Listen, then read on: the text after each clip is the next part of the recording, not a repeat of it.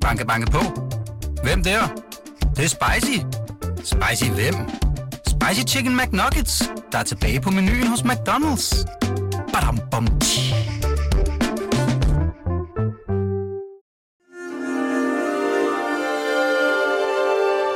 Du lytter til Weekendavisen.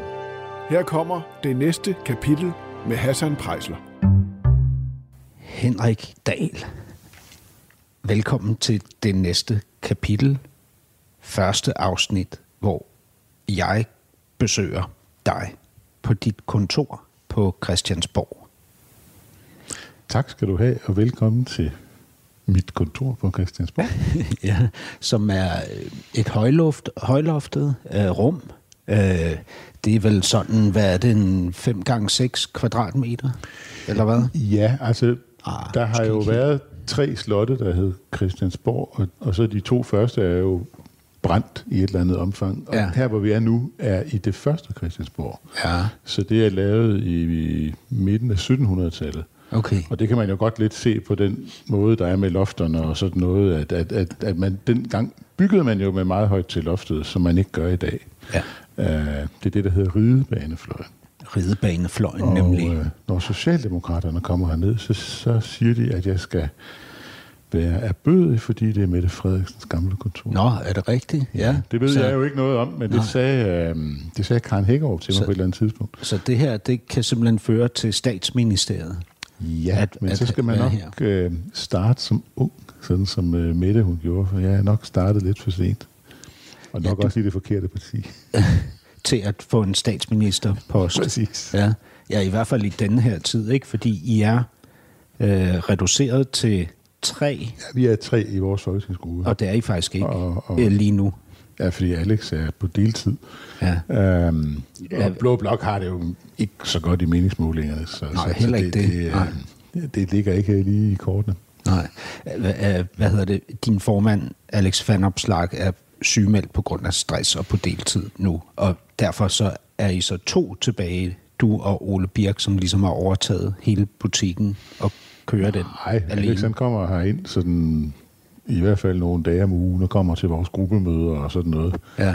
Um, men fordi vi er sådan en lille gruppe, så, så kan vi klare det sådan, i sådan en sms-tråd, hvor vi kan tage mange beslutninger i en, i en sms-tråd, hvor vi bliver enige om, hvad vi mener om det ene og det andet. Ja. Og det blander Alex øh, sig heldigvis også i, øh, og så kan vi også få hans besøg med. Øh, Og, og så, selvom det mest er os, der kommer herinde på Christiansborg. Vi sidder, vi to, vi sidder ved et, et lille rundt øhm, øh, bord øh, med fire stole omkring, og så er der et øh, whiteboard herover, hvor nogle børn har tegnet på øh, en oversigt over Folketingets medlemmer, et øh, portræt af dig, og på, fjern, på væggen hænger der et, et lille bitte, altså nok det mindste fjernsyn, jeg nogensinde har set, det er, hvad er det, 14 tommer Ja, eller sådan sådan noget. noget. Og så øh, et øh, maleri, og på væggen overfor, der er der en lysrød post-it, hvor der står, maleri hænges her.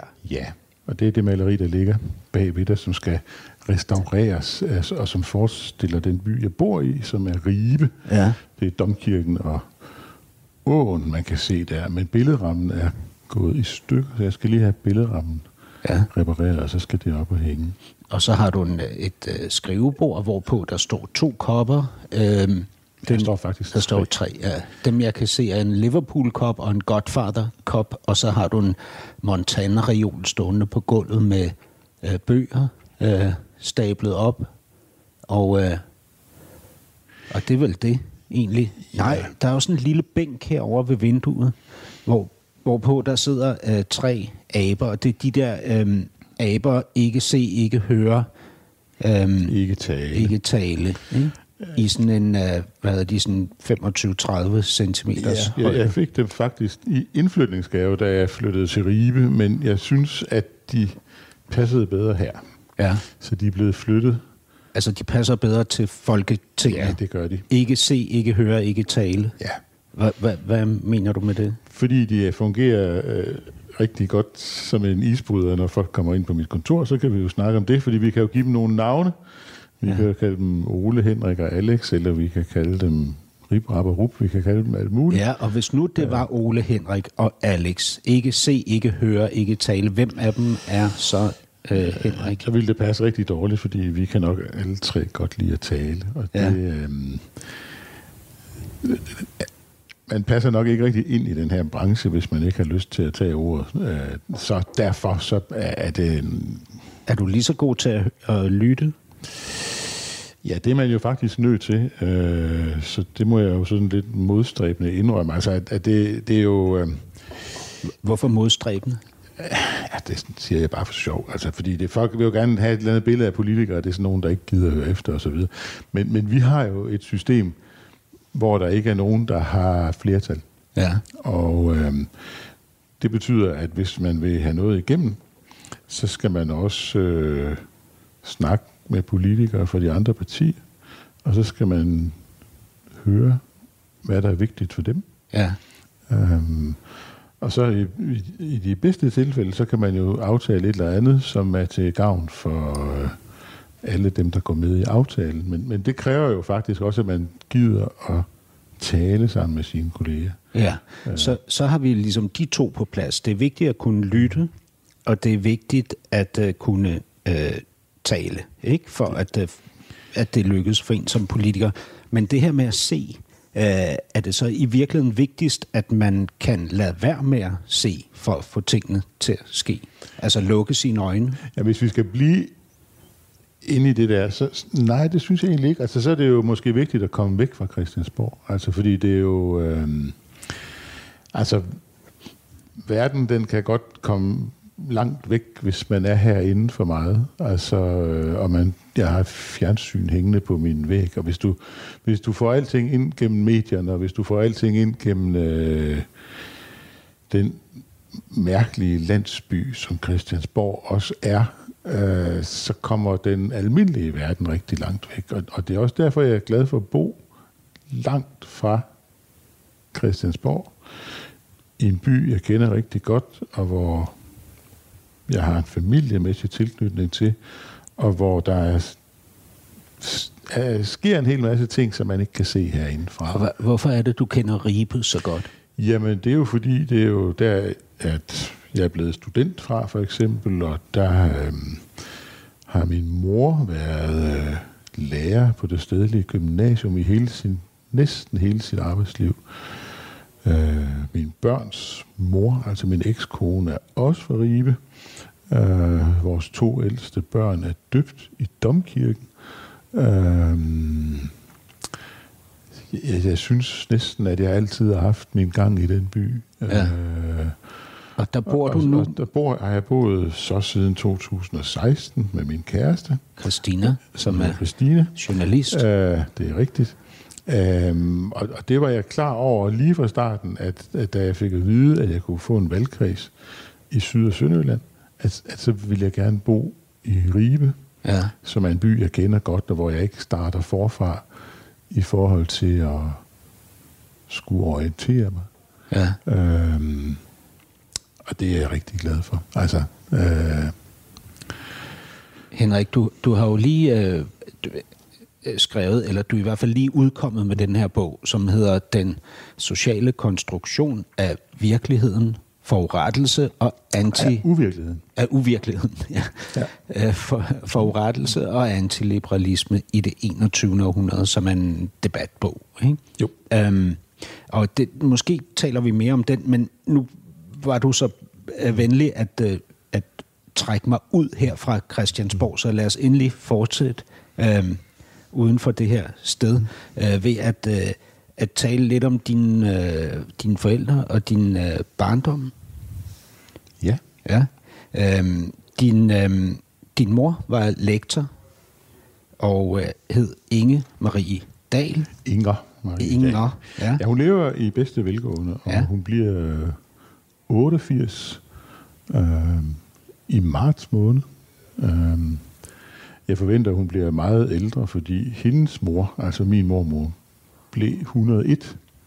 Og det er vildt. Ja. Øh, og jeg har skrevet en bog om min mormor, øh, som hun aldrig selv har læst. Hun levede, da den udkom, men hun var dement de sidste år, hun levede, så hun kunne ikke læse den, og det er jeg lidt ked af.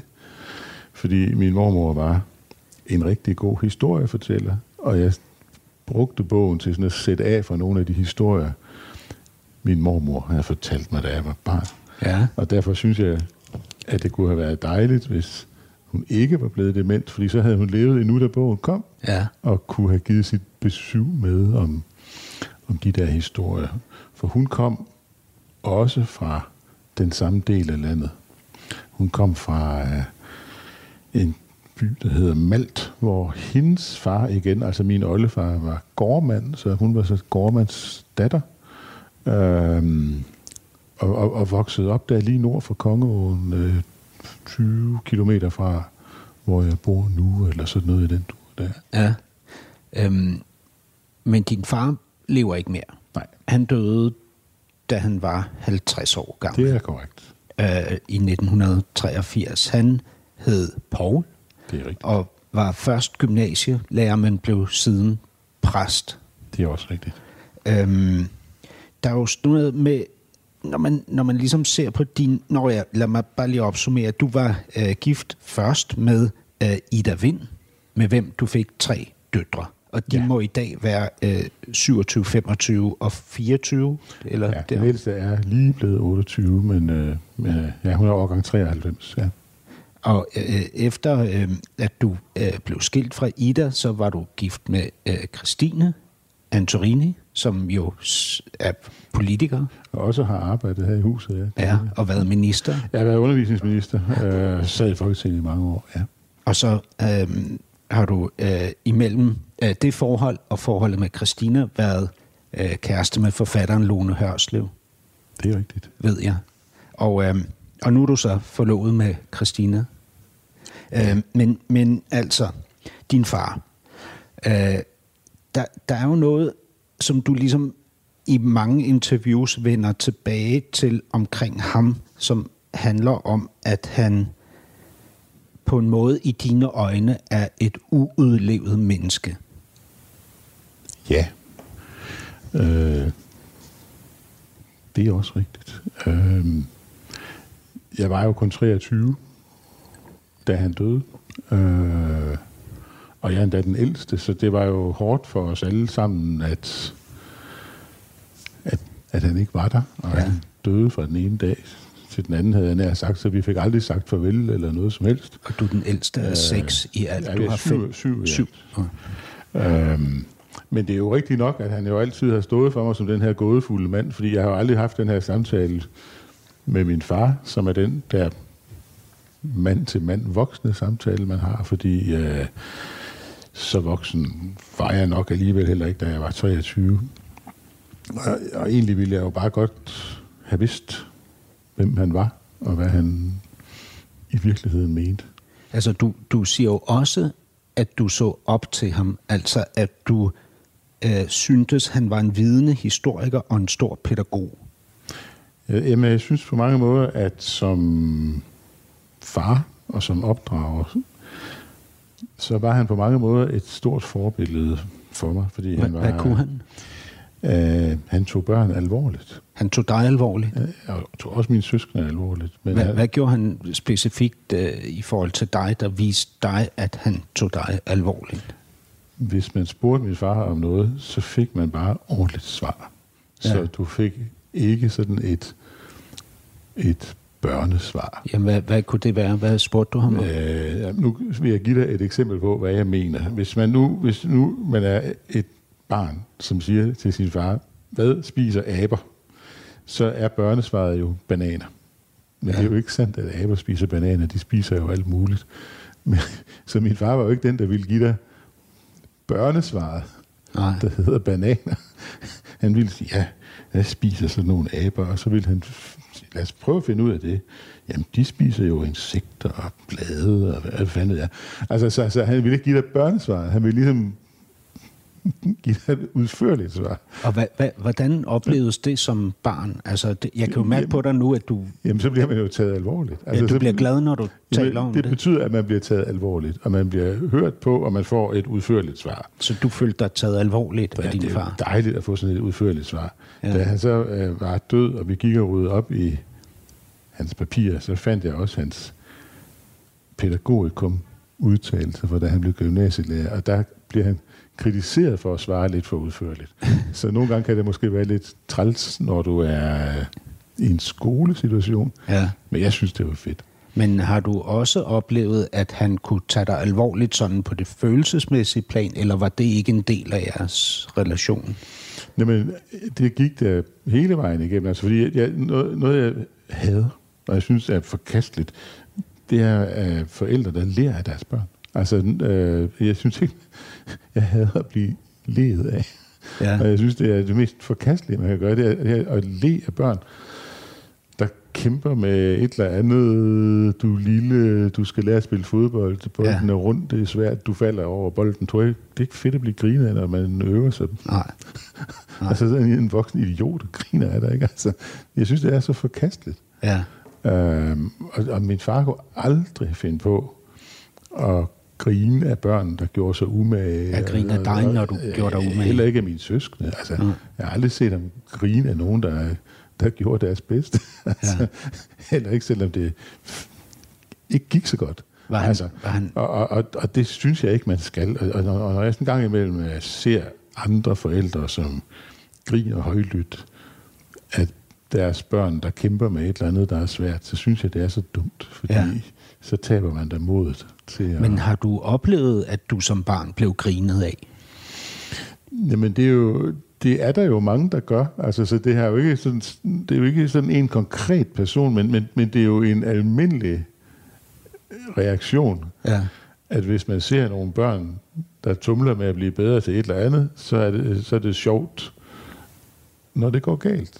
Ja. Det kan du lave en hel tv-udsendelse ud af med børn, der falder og slår sig, ikke? Og det Ja. har vist nok gode seertal og sådan noget, ikke? Også, ikke? Altså, men, men et eller andet sted er det jo heller ikke særlig motiverende, Nej. At de voksne griner af, at man prøver på at blive bedre til et eller andet.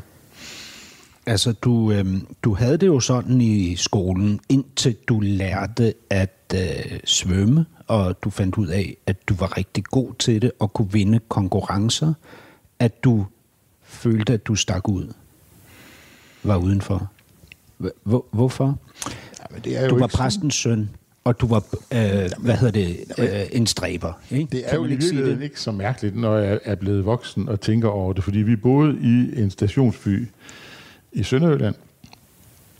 Og det her, jeg siger nu, det skulle jeg også blive voksen for at, at finde ud af, men, men, men, men indtil, indtil nogle få år før jeg blev født, så var lovgivningen i Danmark sådan, at, at, at kommuneskoler på landet, de tilbød kun, øh, at du kunne øh, altså gå ud af 9. klasse. De tilbød ikke det, der hed en realeksamen, som man havde indtil mm. nogle år før jeg blev født. Og det betød jo så, at man kunne ikke komme videre og få en ungdomsuddannelse, hvis ikke man havde den her realeksamen.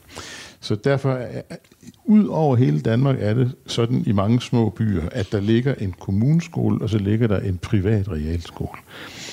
Og da jeg var barn, troede jeg, at det var sådan nogle snobbede mennesker, som lavede de der private realskoler. Men blev Hvorfor jeg- troede du det? Jamen, fordi jeg ikke var klogere på en eller anden måde. Ikke? Fordi jeg, jeg ligesom sluttede mig fra, at det var borgerskabet, for eksempel i Skærbæk, hvor jeg kommer fra, så var det borgerskabets børn, Ja. som gik på den private realskole. Men, men du var jo borgerskabets barn. Men øh, en ting ad gangen, ikke? Fordi så, så, men, men når, de, når man lavede de der skoler, var det jo fordi, at ellers så kunne man ikke komme videre og få en ungdomsuddannelse, øh, hvis man boede i en lille by på landet. Så, så det er jo bare det er jo sådan, det er jo de lokale forældre, der offrer en masse penge på at ansætte en skoleleder og nogle lærere for, at deres børn i det hele taget kan få en ungdomsuddannelse, mm. fordi staten stillede ikke sådan noget til rådighed for børn på landet. Det, som staten stillede til rådighed for børn på landet, det var, det var den stråtægte skole, hvor man så kunne gå øh, nogle steder til med 7. klasse, og nogle steder til 9. og 10. klasse, men du Ja. kunne ikke få det, der hed en realeksamen. Øh, og jeg gik i sådan en kommuneskole, og det gjorde jeg, fordi at kordegnen i den by, hvor jeg, min far var præst, han var inspektør på kommuneskolen. Mm. Og så kunne man jo ikke gøre sig selv uvenner med kordegnen. Så der var ikke noget at gøre. Vi måtte jo gå på kordegnens øh, skole, Ja. som var den kommunale skole. Og, og det var jo det, og det tog mig egentlig lang tid at forstå, at jamen, sådan har reglerne været, og så videre, og så videre. Så er det nemmere at forstå, når man selv bliver politiker, og, og, og, og, og, og det bliver en del af min hverdag. Så ved man jo godt, at, at tingene er blevet lavet om. Men jeg gik jo bare på den... At tingene er blevet lavet om? Ja, ja, ja historisk er der blevet lavet nye ja. love, og så videre, ja. og så videre. Så, så jeg har jo gået på den kommunale skole, som langt tilbage i historien har været beregnet for børn, der skulle have en læreplads, eller skulle stoppe med at gå i skole, når de var færdige med 7. eller 9. klasse osv. Ja. Og i den sammenhæng er man jo selvfølgelig en stræber, hvis man ser for en sig, at, at man skal i gymnasiet. Ja. Men, men hvis jeg havde men, gået i den skole, der lå lige over på den anden side af gaden, havde jeg jo ikke været en nørd, fordi der skulle de alle sammen i gymnasiet. Men det vidste du jo ikke alt det her. Men det vidste jeg jo ikke dengang. Så der synes jeg bare, at det var øh, ikke særlig rart at være anderledes, fordi min mor var lærer på et gymnasium, og min far havde været det, indtil han blev præst. Så jeg så selvfølgelig for mig, at der, hvor min far og mor ligesom arbejdede, og, og men det var jo også sådan et sted, hvor jeg selv skulle hen på et eller andet tidspunkt. Men det så de andre børn og de andre børns forældre ikke for sig.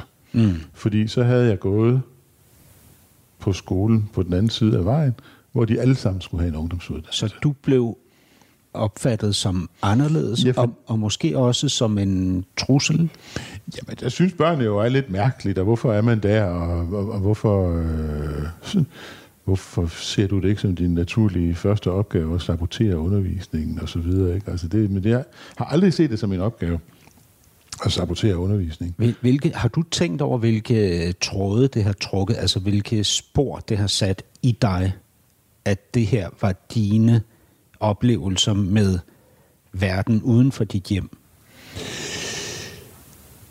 Ja, men altså, men jeg har hvad, også... Hvad har du som, konkluderet? Jamen, først synes jeg jo i mange år, at det var jo en skandale, at alle de her skrækkelige ting skulle overgå mig, og jeg skulle være i en skole, hvor jeg var i et mindretal, Øhm, og, og, og så er det jo flertallet, der sætter tonen og så videre. Jeg synes, det var meget synd for mig. Øhm, men når man bliver rigtig voksen, som jeg er blevet, så finder man jo også ud af, at man skal også... Du er 60 år gammel. Ja, 60. Ja. Så finder man jo også ud af, at man på en eller anden måde også er nødt til at lade sådan noget fare, og vi kan jo ikke sådan... Man, det er jo skrækkeligt at blive gammel, hvis man går og er bitter over den slags ting. Ja, men man kunne jo også, øh, når man træder ud af sin forbedrelse, omfavne det og gøre det til, hvad hedder det, ens øh, styrke, at man kan håndtere at være i opposition, være en, der er jo, men det kan jeg også godt. Klogere det, det, det, man, skal, man, man, man lærer jo selvfølgelig, i sådan en situation lærer man selvfølgelig at, at holde på sit og, og, og, og sige, at det er det, det, jeg vil, og så kan det godt være, at de andre vil noget andet. Men det gode ved det alt sammen er jo, at de sociale medier er blevet opfundet. Og en af de ting, som man også kan bruge de sociale medier til, det er at blive Facebook-venner med nogle af de flinke kammerater, man gik i folkeskole med. Og det er jo heldigvis også. Og så får man jo også snakket om, hvordan det alt sammen var. Øh, og de får måske også nogle bemærkninger ind om, øh, at, at set fra deres synspunkt er det også lidt mærkeligt at gå i skole med en fremmed fugl, altså at man kom som tilflytter. Øh, de siger sig selv, at der er kun én præst i byen, ikke? Altså, og, og så, så man er jo mærkelig på den måde, ikke? Altså, og man vil noget med, andet med sit liv, og det er ikke nogen hemmelighed, man vil noget andet med sit liv, og det synes mindre børn også er underligt. Mm. Det tror jeg også, jeg selv ville have ment. Øh, så heldigvis kan man jo som gammel også lære at, at gå genbesøge historien og sige, at øh, så var det heller ikke værre. Uh, noget andet, du har genbesøgt, er jo det her med, at din, din far ligesom øh, skaber en, øh, hvad kan man sige, en, et, en fortælling inde i jeres familie, som handler om pligtorienterede værdier. Altså, at det mest vandærende, du kunne gøre, Henrik Dahl, var ikke at gøre dig umage. Det nyttede ikke noget, at du kun gik halvdelen af vejen. Ja. ja. Du kunne ikke bare erklære, nu gider jeg ikke mere, eller nu er det godt nok. Det har mine forældre altid holdt meget stærkt på. Men hvad er det så, du mener, at, din, at der, der gør, at din far er et uudlevet menneske? Jamen, det er han jo på flere forskellige måder, og det er et rigtig godt ord. Øh, altså, han...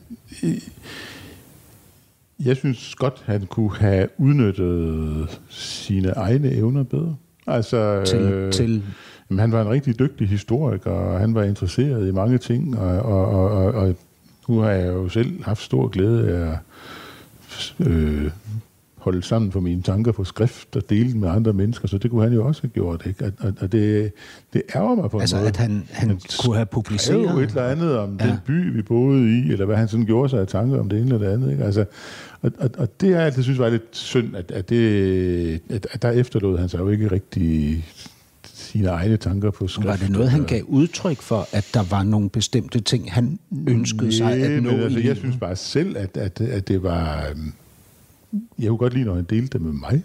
Så jeg kunne godt forestille mig, at, at det måske også havde interesseret andre end lige mig. Altså, at han... Men følte han selv, at, han, at, at det han ligesom, at det, at han blev gymnasielærer, han fik syv børn, at han blev præst og så videre, at det var et, øh, et fuldbyrdet liv, han Jamen, det var det, levede? jeg gerne ville have spurgt ham om. Det var det, jeg ikke kunne, fordi han døde. Altså, og det ville jeg da gerne have vidst, fordi at, at jeg... Hvad var dit indtryk?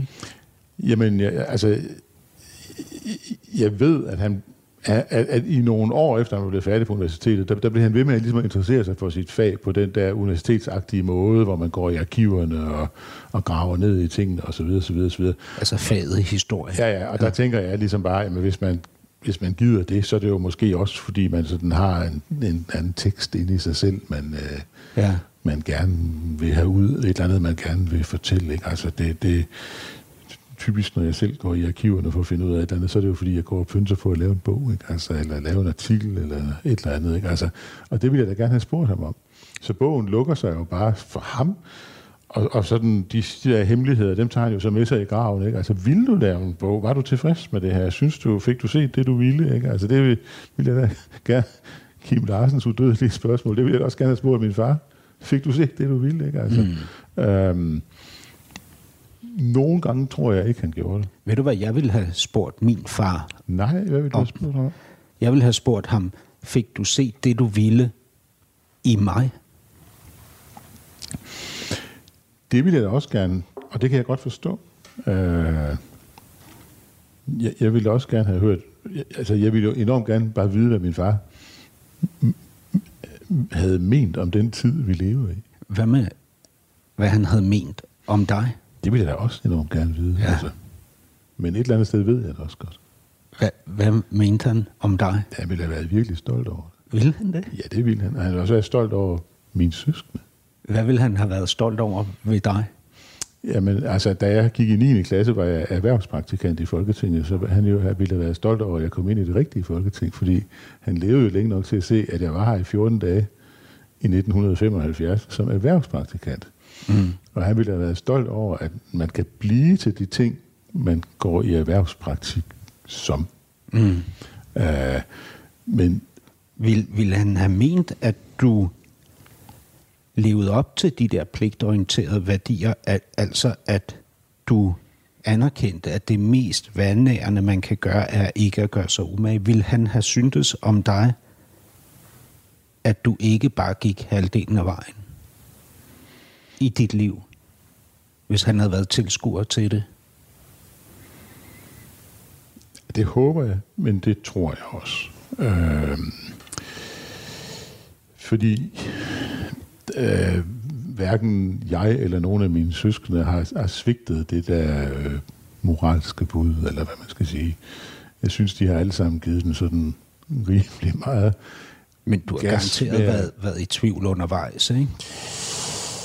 Jamen altså, det vil der jo altid være, fordi altså... Øh, måske er det her job, det er måske et af de job, hvor jeg kan få bedst afløb for de ting, jeg er rigtig god til. Ja. Fordi jeg har også en god hukommelse. Øh, og, og det er der ikke, har man ikke rigtig brug for. Jo, i dit job som skuespiller har man også brug for det, men, men det er ikke så tit, man har brug for en rigtig god hukommelse. Men når man står nede på Folketingets talerstol, så må du ikke tage hjælpemidler derop. Og, så, og i værste fald kan du risikere at stå deroppe en time, fordi de har en hel time til at grille dig med spørgsmål, Ja. af de andre MF'er. Og hvis de gør det, så er det jo fuldt pensum uden hjælpemidler. Du skal bare svare på det hele. Ja. Og der er det jo bare en stor fordel at kunne, øh, altså kunne huske rigtig mange ting. Ja. Og en, også en stor fordel at læse hurtigt.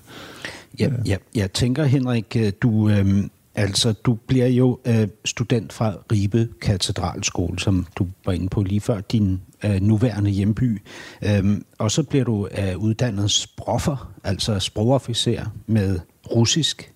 Øhm, og siden gifter du dig så allerede som 22-årig? Nej. 23-årig? Nej, jeg møder Ida, da jeg er 24. Nå, okay. Men vi bliver først gift øh, efter at have levet i synd i mange år. Vi bliver gift i 92. Okay. Øhm, men det, det, er det så nærmest samtidig, at de, altså, du møder Ida kort efter din far ja. er død? Året efter, i 84, øh, møder jeg Ida. Ja. Ja. Øhm, og så er det jo som om, at du, øhm, du har jo den her øh, forestilling om, at du øh, som mand øh, og søn af din far også vil dø som 50-årig. Så det er en ting, du bokser med indtil den dag. Ja. du fylder 50. Jeg er lige fyldt 50. Ja. Øh, du tænker, der vil du dø. Så du er travlt, tænker jeg. Det er rigtigt. Øh, og det gør øh, øh, jo så, øh, at, øh, at du ræser dig ud af. Øh, hvis jeg kigger på de år, der følger efter din fars død, så tænker jeg, at der er godt nok knald på her. Altså først øh, tager du din uddannelse på Københavns Universitet. Så tager du året efter en master i øh, film- og medievidenskab i Pennsylvania i USA. Øh, året, øh, to år efter øh, for, bliver du phd studerende på Handelshøjskolen. Øh, du, den gør du så færdig i 93, hvor du også får dit første barn med Ida Vind. Øh, siden bliver du forskningschef, og året efter får du barn nummer to. Øh, året efter igen barn nummer tre, og så begynder du at udgive bø- bøger. Og der kommer faktisk en bog om året her de efterfølgende tre år, altså i 97, 98 og 99. Øhm, du er også med til at grundlægge et øh, analysefirma, der hedder øh, Advice Analyse. Der er smæk på her, Henrik. Ja, Ikke? Er Der, øh, der skal du øh, øh, udleve så skal du livet. bare nå det hele. Der skal du nå det hele. Og det fører jo så til, at du bliver skilt i 99 eller 2000. Ja, 2001. 2001, ja. Efter 17 års. Ja, der er så gået 17 år. Ja. Øhm, Det beskriver du selv som et kæmpe nederlag, men, men altså, det er vel også den naturlige konsekvens af at ræse sådan der afsted. det var ikke... Et, jeg synes, det er et nederlag at blive skilt. To, det var ikke det, der ødelagde det for mig og Ida. Nej. Øh, det var... Øh, altså, det var simpelthen gemytternes uoverensstemmelse. Jeg, jeg, jeg ser stadigvæk Ida en gang imellem, hvor Karen, vores ældste datter, blev 28 for et par uger siden, og der formede sig som en middag, hvor Karen og Karens mand, og de venter så deres første barn, som jo så vil gøre mig til morfar. Så du bliver morfar nu? Jeg bliver ja. morfar her i marts. Nå. Og Karens to yngre søstre og Ida. Vi var til en meget, meget hyggelig middag, så, det, så vi øh, ser hinanden en gang imellem. Og forlæggeren til bogen her, det er Idas lille søster. Så, så det er en lille verden, og vi er aldrig blevet sådan uvenner på den måde. Men, øhm, altså, vi skændtes simpelthen for meget. Ja, men det, det har du jo sagt altså, om dit første ægteskab, ja. ikke? Der altså, siger du, altså, I vi- skændtes... Øh, Vi skændtes bare for meget. ja. Altså, og det kan der være mange grunde til. Altså, men, men, men det, det... altså... Hvorfor skændes man for meget? Ja, det er jo et godt spørgsmål, ikke? Altså, men, men, men det, det, det kommer man jo nogle gange til. Var det fra starten, eller var det en eskalerende? Altså, var det en del af jeres dynamik fra dag et Nej, det blev jo nok øh, værre på en eller anden måde. Ikke? Altså, øh, med tre børn og, en, og, og, og et karrierepres, bøger, der skulle udgives? Øh. Ja, og sådan måder, man indretter sig på. Øh, altså, så, så, så, så det var... Ja, hvorfor fanden skændes man for mig? Vi, det var i hvert fald ikke sådan noget, der, der decideret havde noget at gøre med, at Ida var imod, at jeg skrev bøger, eller imod, at jeg øh, lavede min egen virksomhed, eller sådan noget. Det, det, det, det er mere det der med, at, at, at desværre kan man komme i en situation, hvor man skændes for meget, og det tror jeg, der er mange, der har prøvet. Ja, jeg har i hvert fald. Og, og til ja. sidst, så gider man ikke at skændes. Men, øh, men det, og, det så, er så... Og, så, og så, er det, så, så går det galt på en eller anden måde. Ja, og så går du så ind i dit næste ægteskab nogle år efter, ikke med Christina Antorini, og der skændes du overhovedet ikke. Altså i virkeligheden, så bliver jeg skilt fra Ida, fordi øh, jeg møder Christine, og, og, og, og, og måske så... Øh, altså inde i mit hoved er det to selvstændige begivenheder, så derfor ville det have været rart for min gode samvittighed, hvis jeg kunne sige til mig selv, at mit og Idas ægteskab ikke endte med, at jeg var Ida utro. Utro, Men ja. det var jeg. Øh, men inde i mit hoved var der et eller andet med, at, at, at vi bare havde alle de her evindelige skænderier, og det var ikke til at holde ud. Og, Ja. og, det, og, og det er kører ind i mit hoved på et spor. Og det andet spor, det er, at jeg møder Christine, og hun har et helt andet temperament. Så der er ikke nogen skænderier. Nej. Men, Og men det er jo en stor kontrast. det er en stor kontrast. Øh, Det må man sige.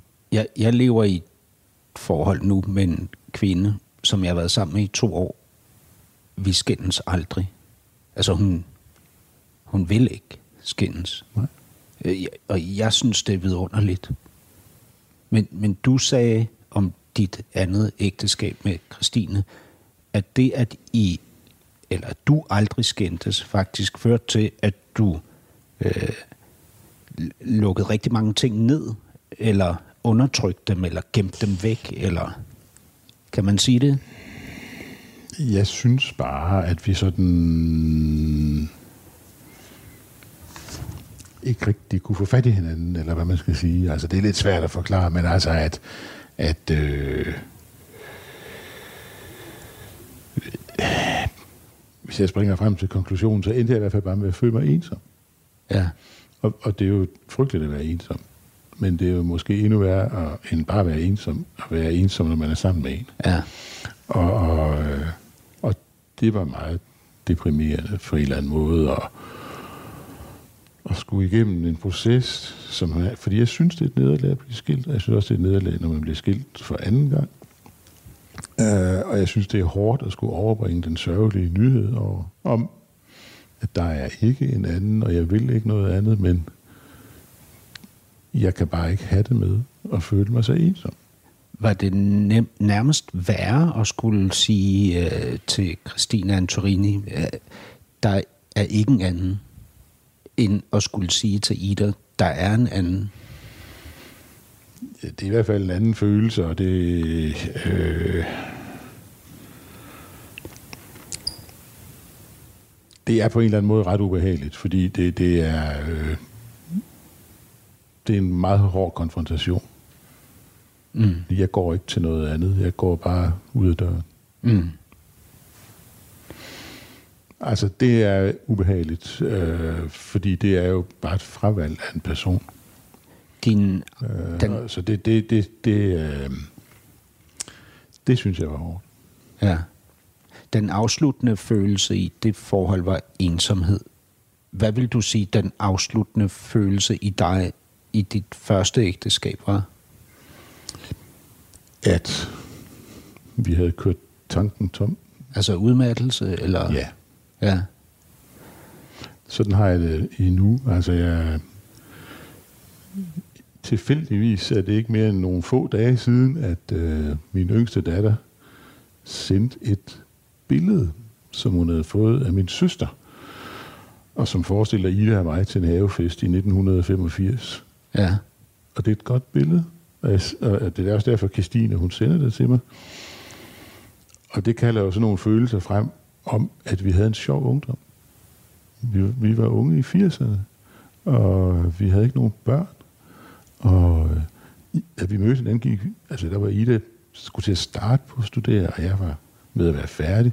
Og så ved du sikkert godt, hvordan det er. Man har det her ungdomsliv, hvor man er, er sådan kommet ind i 20'erne, og man har fundet ud af, hvordan er det at bo selv og have en lejlighed, og det er bare sjovt. Mm.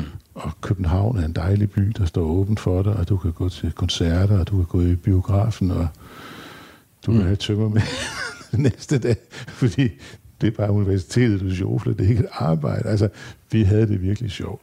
Er der sådan en, øh, er der sådan en rød tråd i de kvinder, du har været sammen med? Altså, i da Vind ved jeg ikke, hvem er, men du beskriver hende jo som en, der har temperament, ligesom du selv havde på det tidspunkt. Og så er der Christine, som vi jo kender, fordi hun er politiker, og jo også en markant kvindelig politiker med, øh, øh, hvad kan man sige, øh, nosser. øhm, ja, jeg forstår godt, hvad du mener. ja, og så, øh, så Lone Hørslev, som jo er en, også en øh, dramatisk øh, forfatter, øh, og øh, øh, vil jeg tro med det lille kendskab, jeg har til hende, også et dramatisk menneske. Øh, og nu Christina, øh, som er journalist. Øh, er der sådan en, øh, en bestemt type kvinder, du falder for? Ja, altså... Ja, altså øh det kan man roligt sige. Altså, altså jeg, det kan man roligt sige? Jeg kan bedst lide at være sammen med, med nogle kvinder, der også har noget temperament. Altså, temperament?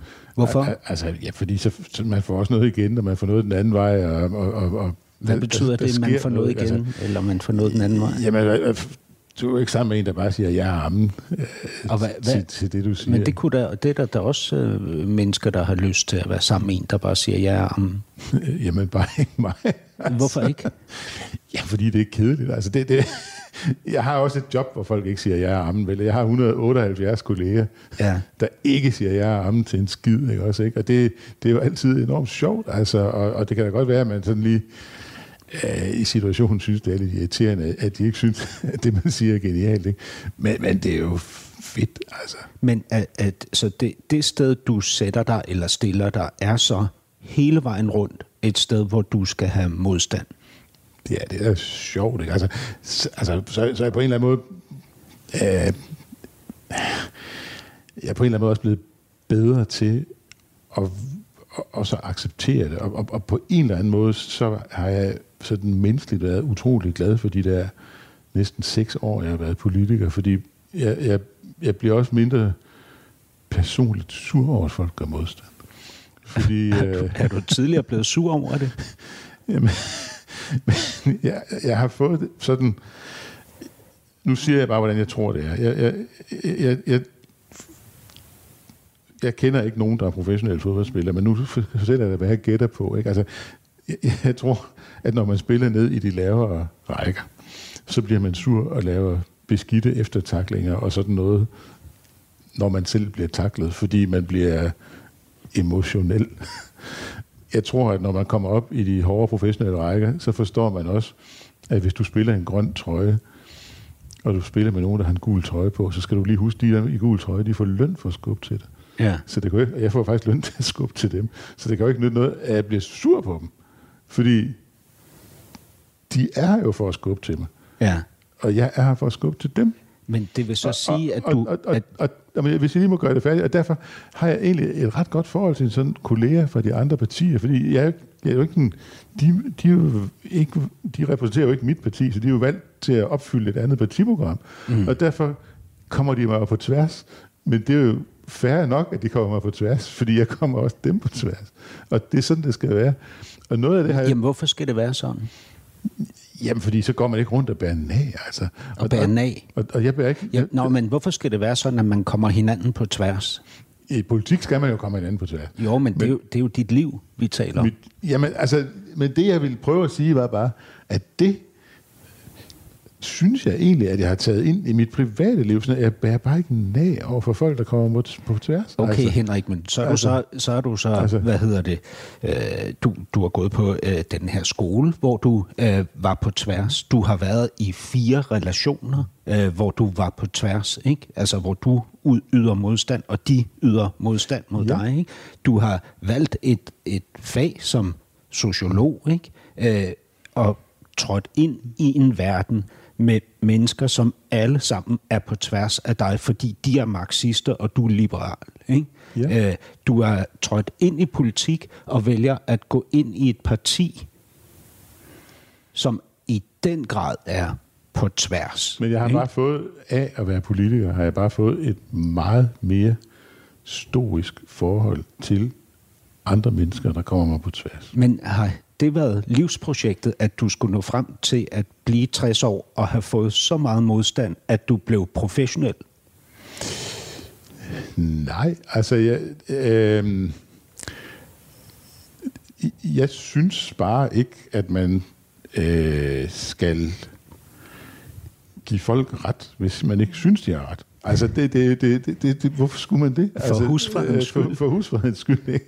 Men, men, men altså, øh, altså, der kan også siges mange gode ting om husfreden, ikke? Og nogle gange så er det også den, der skal op på piedestalen, ikke? Altså, men, men, men sådan... Øh, altså, når, når det gælder sådan øh, ens fag, eller sådan et eller andet, altså... Og ens parforhold. Jamen, altså, så synes jeg sgu også, man skal sige, hvad man synes. Altså, det, det, det, altså, altså det, det, det, det sådan grundlæggende synes jeg, at man skal sige, hvad man mener. Ikke? Altså, øh, og, okay. så, og så kan det godt være, at der er nogle andre, der mener noget andet, og så må man ligesom, øh, så er det sådan, det er. Ikke? Altså, øh, ja. Men jeg kan, jeg kan jo bare ikke leve efter det, fordi jeg, øh, Christina, min kæreste, hun griner altid af mig og siger, at jeg har taget skade af at bo i den engelsktalende verden, fordi det er også smittet af på min måde, og glidet af på konflikter i mit privatliv. Fordi jeg gør ligesom i den engelsktalende verden nogle gange i mit privatliv, hvor jeg øh, bare siger til folk, at jeg synes, det lyder interessant. Hvilket betyder, at jeg synes, det lyder åndssvagt. Fordi sådan er det i den engelsktalende verden. Så siger man jo, at det lyder vel nok spændende. Send mig et fri linje. Og det betyder, at jeg vil aldrig høre dine tåbelige tanker igen. Er hun, er hun god til at grine af dig, Christina? Ja, hun fandt på et eller andet tidspunkt sådan en opsætning, hvor der ligesom stod, at når englænder siger et eller andet, sådan her, så mener englænderne det her, men du tror, de siger noget helt andet. Når englænderne siger, at vi bør spise frokost en dag, ja. så tror du, at I skal spise frokost en dag. Ja. Men englænderne mener, at vi skal aldrig ses igen.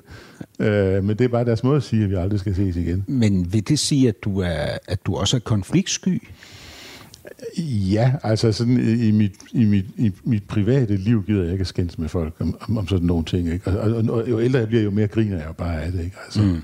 altså fordi, og det er også fordi mine børn er, er, er, er sådan lidt på, på samme måde. Ikke? Altså, jeg snakkede med Karen om... På samme måde som du er? Mig. Altså, jeg, ja. jeg snakkede med Karen om det for ikke så længe, at sige, at, at den måde, jeg bliver galt på, det er den måde, der hedder, nu kan det kraftedeme være nok. Ja. Og når man siger det, så er det jo fordi, der har været sådan, det siger Karen, og så har der været sådan fem gange, hvor du egentlig synes, det var nok. Men du har sådan tænkt, ah, ej, vi skal ikke have ballade Konflikt. sådan noget. Ja. Og så sker det en gang til, og så sker det en gang til. Og på et eller andet tidspunkt siger du, fanden galme, nu kan det være nok. Og så er der to ting, siger Karen, det er jo nemlig ret i, der er to ting, som du kan være helt sikker på. Den ene ting er, at det går ud over den forkerte. Ja, hvad, hvad betyder det? at når man så endelig siger, nu kan det være nok, ja. så er det ikke den værste, man skælder ud på. Så er det bare den første, der kommer ind i din skudlinje, så du bare giver den gas. Ikke? Det er jo enormt uretfærdigt. Og den anden ting er, at så kommer den sorte bog. så kommer alt, hvad man er sur på en gang. Karen, der sagde til mig, jamen, hun havde, jamen, jeg, har også, jeg, jeg, jeg bilder mig selv ind, at jeg ikke har en sort bog, men jeg har en sort bog. og jeg bliver sur. Ja. Så kommer den sort bog og, og, op, og, hvad, og så hvad, læser jeg højt fra side 1, og så frem til i dag. og hvad kan man gøre mod dig, som med 100% sandsynlighed vil gøre, at man ender i den sorte bog? Jeg tror, det er mest at være urimelig, ud fra sådan det, jeg opfatter som at være urimelig. Og hvad er det? Øh,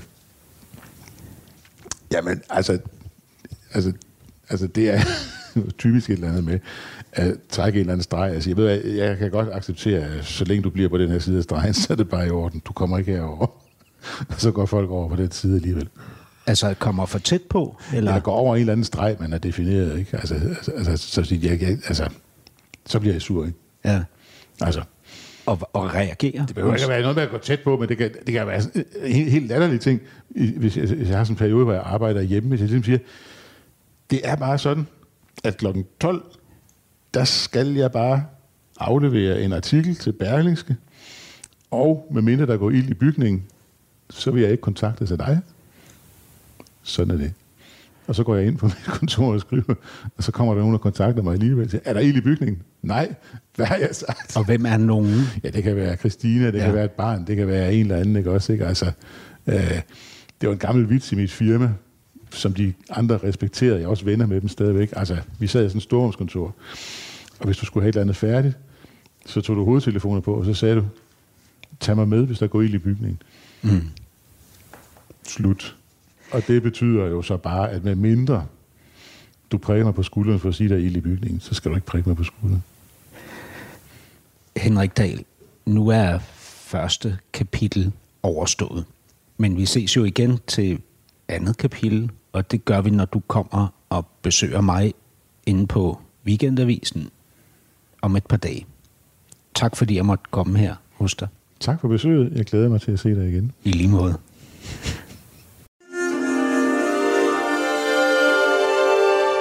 Du lytter til Weekendavisen. Her kommer det næste kapitel med Hassan Prejsler. Ja, Henrik Dahl. Så er det anden time, af, eller andet afsnit af det næste kapitel, hvor du er kommet ind til mig i studiet på Weekendavisen. Øhm, og øh, ja, hvor skal vi starte?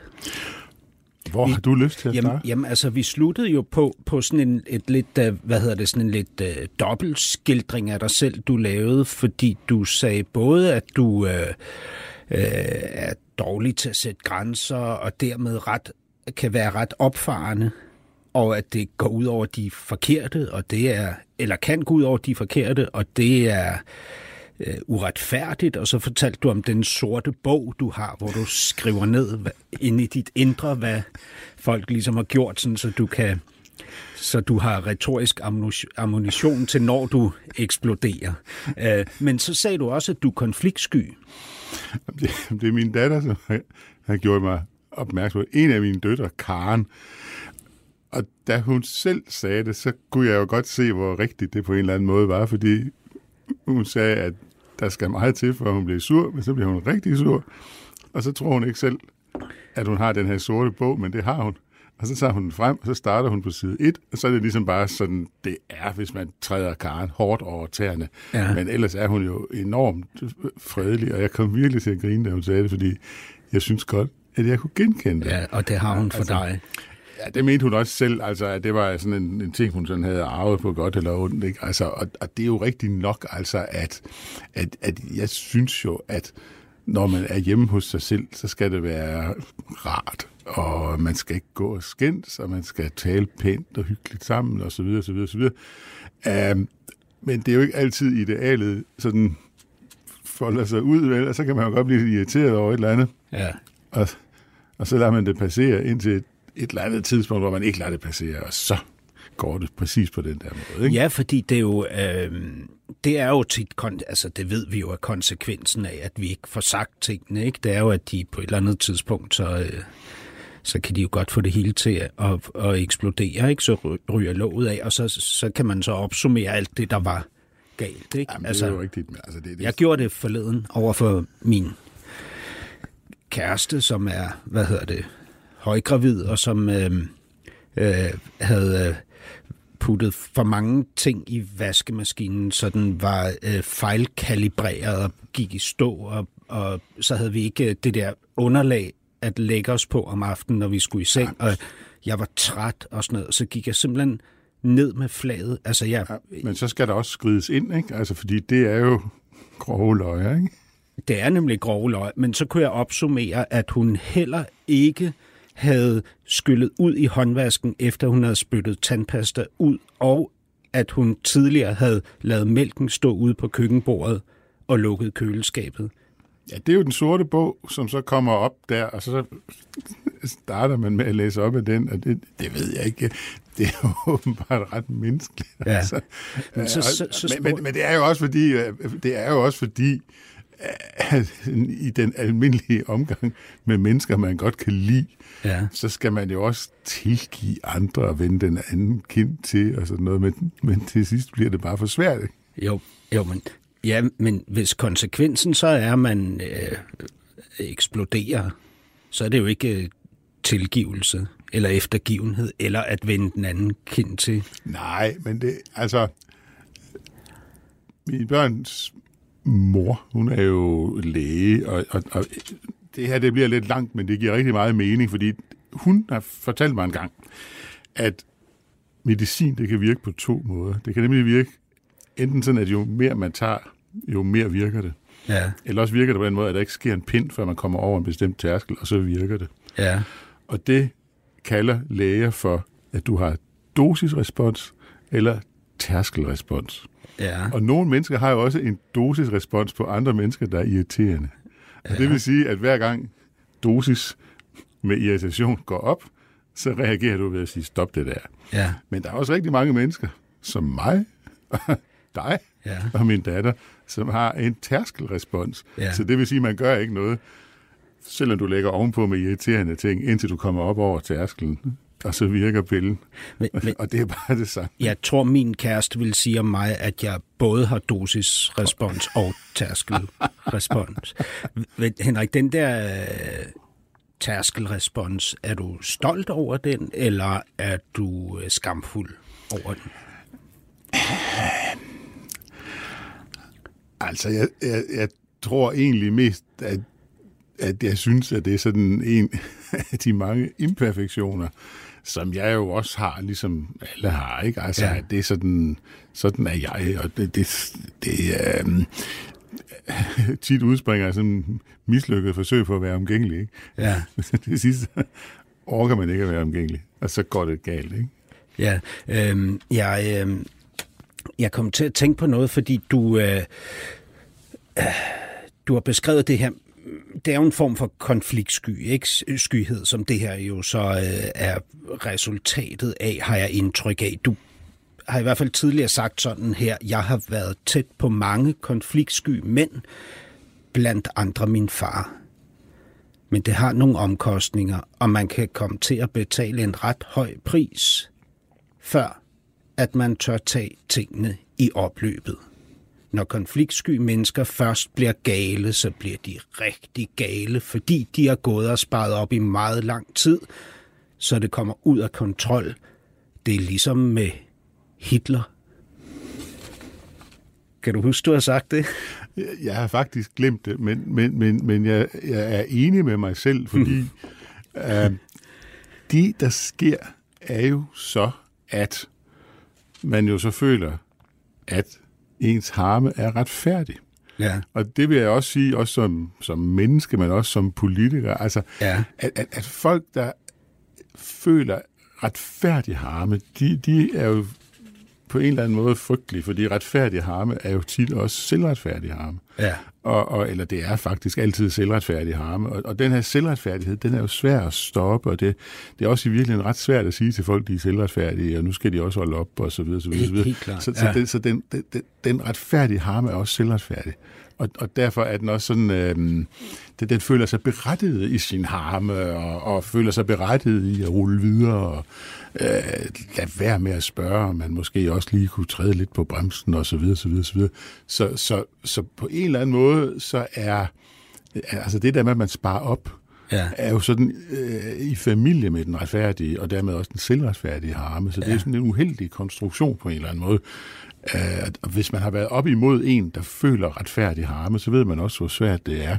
Det, det kender man jo, uh, jeg kender det nok i dag mest som, som politiker. Ikke? Altså, der kan være en gruppe mennesker et eller andet sted, som føler en retfærdig vrede over et eller andet, der er gået ud over dem. Og, og, og de, det er helt svært, enormt svært at komme og foreslå et eller andet kompromis, eller lave et eller andet aftale, ja. fordi man er så fred, at man kan slet ikke lave en kompromis. Ja, altså. men hvorfor, øh, hvorfor mobiliserer du den der øh, retfærdige eller selvretfærdige harme, tror du? Det har du vel overvejet, ikke? Jamen, Min, jeg, jeg, min, jeg, jamen, jeg, tror- den situation, jeg fortalte om, ikke? der sagde min kæreste til mig, øh, skat, Hassan, hvorfor siger du ikke bare til mig, at du er for træt til det her med vaskemaskinen lige nu, og så går, går du ind og lægger dig? Jamen det er jo der, for at gå tilbage til citatet, det er jo der, jeg tror, at det på en eller anden måde går galt. Ikke? Altså, Jamen, hvorfor når man, går det galt? Jamen det gør det jo, fordi at der har været nogle tilfælde før, hvor man egentlig har haft lyst til at sige et eller andet, men så har man tænkt, jamen det kan jo ikke nytte noget, og det må jeg hellere lade være med, altså nu skaber jeg dårlig stemning, og så videre, så videre, så Er, videre. er det det værste, at skabe dårlig stemning? Ja, fordi det er jo ikke, det går jo ud over alle, ikke også? Altså, det er jo sådan ligesom luftforurening eller sådan noget, så er det bare sådan en stemningsforurening, ikke? Altså, så det er jo ikke særlig hyggeligt at, at have en hverdag, der er præget af det. Ja. Øhm, men på en eller anden måde, så hænger det jo så også sammen med, at man sådan, man prøver at vende den anden kind til, men så er man ikke så dygtig til det, Nej. som man burde være, ikke? Jo. Og, og så kommer den der retfærdighed. Men det er jo mega interessant, hvorfor det er, at vi, altså du og jeg i hvert fald, øh, som individer, øh, vælger at øh, trække os ud, i, ud af situationer, hvor vi kan mærke, at vi er ved at blive presset. Altså, hvad er det ligesom, der gør, at vi ikke kan sige det i øjeblikket. Ikke? Og det behøver jo ikke at være et udfald. Altså, det behøver ikke at være en kritik af nogle andre. Det kan jo simpelthen bare være en meddelelse, der hedder, øh, jeg kan simpelthen ikke håndtere det her lige nu. Jo, men det rummer jo også altid øh, En sårbarhed. Problemer at sige sådan, ikke? Altså, Gør fordi, det? Ja, fordi det kan jo godt være, at det bliver taget ilde op, ikke? Og så øh, bliver det så taget ilde op, at man siger, øh, Men har du oplevet det, at det blev taget ilde op, når du sagde, jeg har simpelthen ikke kræfter til det her lige nu? ja, altså det, det synes jeg egentlig er ret almindeligt, altså at, at øh, altså jeg har det for eksempel sådan, hvis jeg har haft en rigtig, rigtig lang arbejdsdag, øh, kommer hjem, og min kæreste Christine, som jeg elsker meget højt, hun så siger, jamen hvad skete der så på det her meget afgørende møde om et eller andet? Og så siger jeg til hende, "Ved du hvad, jeg er simpelthen så øre i hovedet, du kan ikke få et referat. Nej. Fordi nu er jeg så øre i hovedet, at jeg kan ikke give dig sådan et sammenhængende referat. Uh, det er jo ikke sådan, at folk nødvendigvis accepterer det, og det gælder jo ikke bare hende, men det er jo sådan, mange der siger, hvorfor kan, du ikke, hvorfor kan du ikke lige tage dig lidt sammen og give mig et ordentligt udførligt referat af, øh, hvad jeg har snakket om i seks timer nede i Folketingssalen? Så jeg siger, "Men Det kan jeg bare ikke, fordi jeg er fuldstændig skiller af at sidde dernede, ikke? og nu stopper det ikke. Altså. Ja. Um, så, så, så når man trækker sådan en streg, så kan det jo så også, det kan folk også godt være sådan utilfredse med på en eller anden måde. Um, det, det er sådan, jeg selv har oplevet det i hvert fald. Er du bange for den utilfredshed?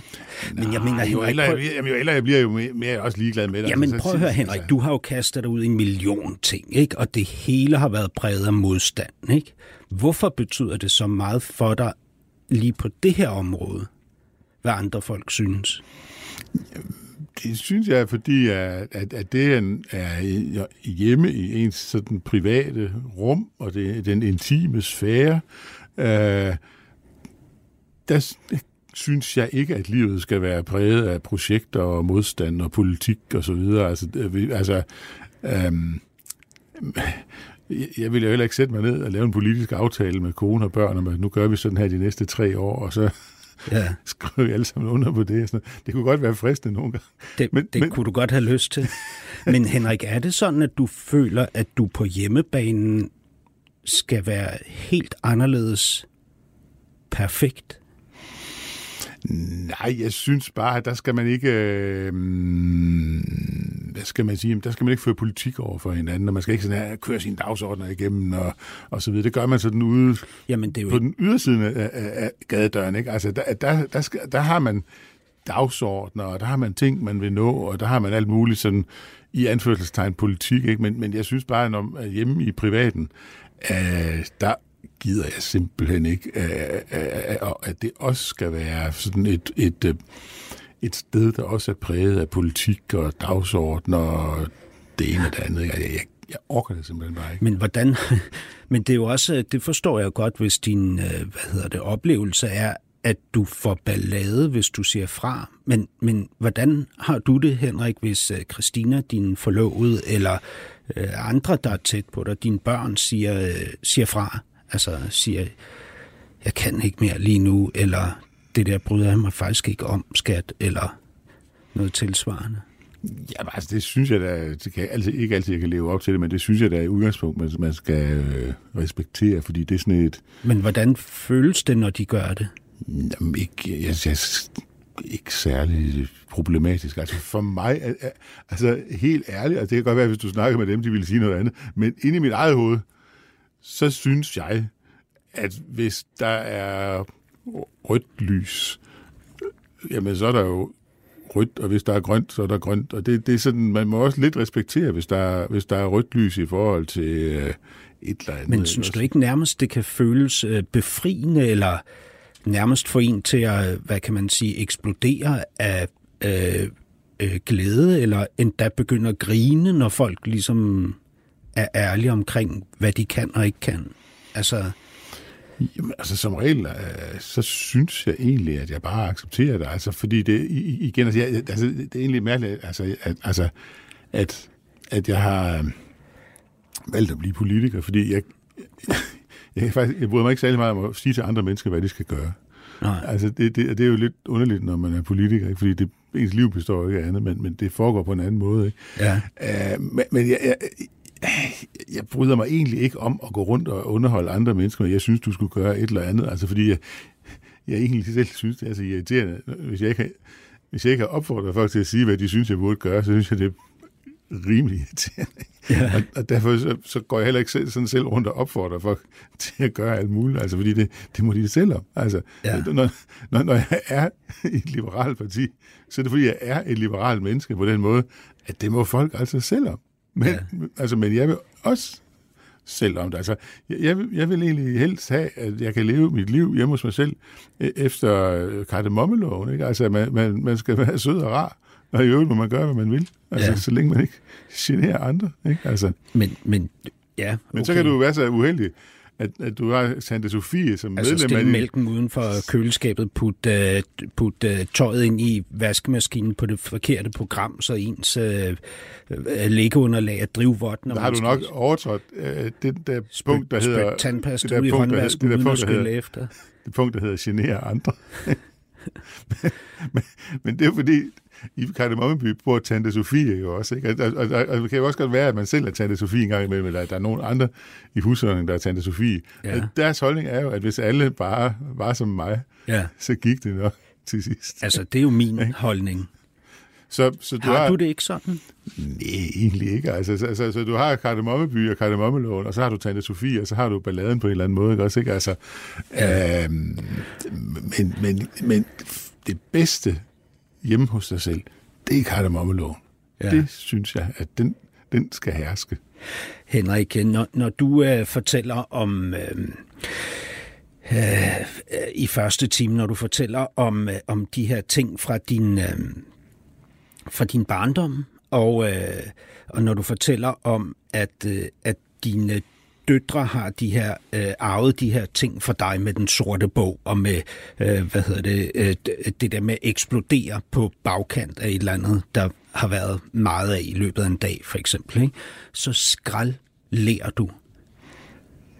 Hvordan kan det være? Det var, da, I forhold til barndommen, så var det, da du fortalte om, at du hader, du foragter, kan ikke fordrage når voksne mennesker lærer deres børn, og du hader selv at blive ledet af, når du gør dig umage med et eller andet, og, og, og så snubler i det. Ikke? Hvordan kan det være, at du grinte så meget, imens du fortalte det, tror du? Men det er fordi, det er sådan noget, vi, når vi er sammen, så er det sådan noget, vi selv sidder og griner af. Altså det, det er sådan noget, hvor man... Når jeg, hvis jeg sidder sammen med, med mine børn, og vi snakker om sådan et eller andet, der har at gøre med, hvordan livet var, i barndommen, eller sådan et eller andet. Ja. Hvorfor, gør I, hvorfor griner af det?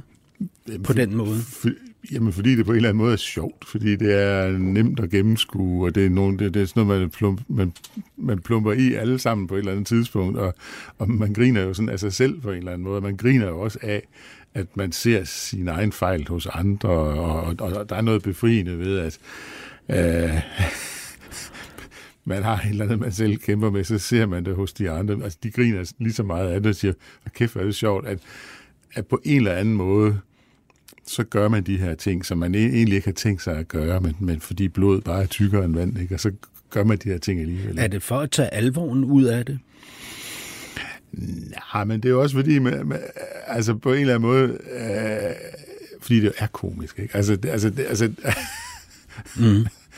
Altså, det er jo komisk, at man får tøj på hver morgen og civiliserer sig selv, som, som Kirsten Hagemann siger, prøver at være civiliseret, ja. så, og så plumper man bare i, ikke også? Altså, det er jo sådan noget, en tegneseriefigur gør, at, en tegneseriefigur, øh, siger, jamen nu skal jeg nok opføre mig ordentligt, det her skal ikke gentages, og så videre. Og så ja er tegneseriefigurer jo sådan, at de lærer aldrig af deres erfaringer, og derfor næste uge, så er de lige så tåbelige, som det var i ugen før. Ikke? Ja. Og man er jo selv sådan en tegneseriefigur, som, som er sådan ligesom Tom og Jerry, eller hvem man nu er, ligesom, man, har ikke, man lærer ikke noget, og man gentager det. Og, og tegneseriefigurer er jo sjove, øh, og når man selv er ligesom en tegneseriefigur, så er det jo også sjovt. Men det kender jeg rigtig godt. Øh, jeg tror, jeg vil sammenligne mig selv med Anders And, ikke? fordi jeg har det der, hvad hedder det, nærmest hysteriske temperament, så jeg, øh, hvad hedder det, skrabber op, ikke? og tror, det har stor effekt. Øhm, men det, og at jeg ikke er komisk men, men, i øjeblikket. Men, men, men jeg synes, det sjoveste ved tegneseriefigurer, det er, at de har nul evne til at lære deres erfaringer. Det er ligesom om, og, og har du det også sådan med dig selv? Ja, altså det, det, det er jo det, der er komisk. Altså ja. på en eller anden måde, så falder man i. Altså. Så når du siger i første time, at du har lært ikke at være så nærtagende, som du har været gennem hele dit liv.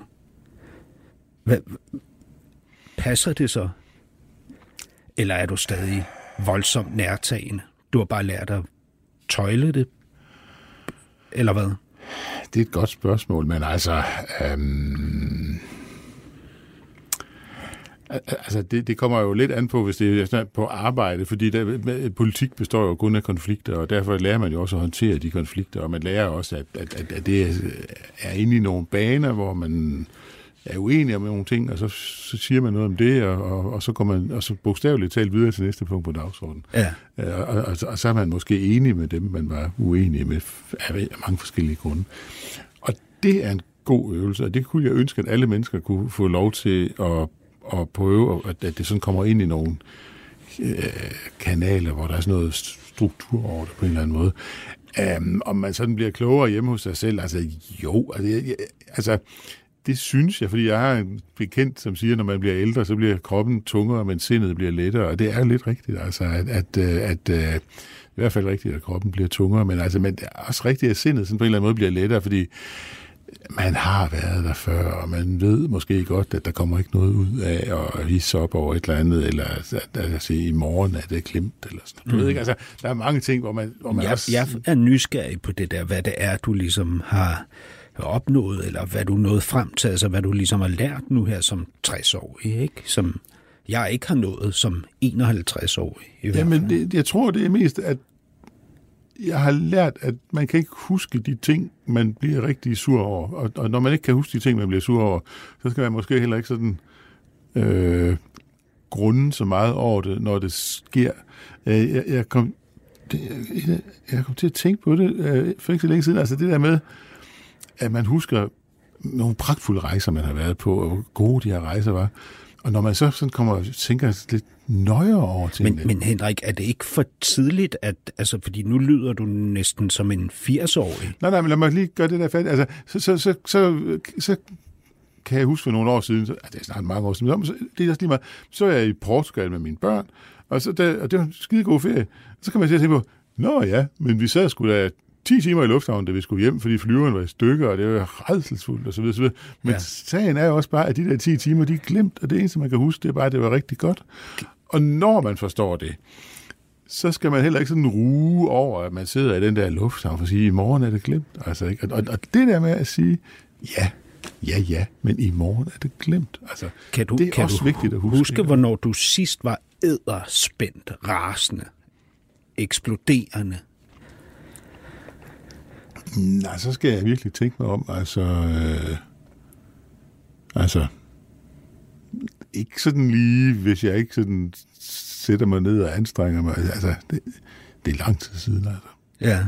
Altså. Altså, du blev det jo efter katastrofevalget, ikke? Oh. Der var du ude i medierne og, og give altså, flere af dine kolleger fra dit parti tør på, og du undskyldte også efterfølgende ja, på også lidt sur. Facebook. Ja. ja, du var red, vred. Ikke? Ja. Jo. Ja. det, havde vi haft et, et længere forløb af trælskarakter. Det er fuldstændig rigtigt.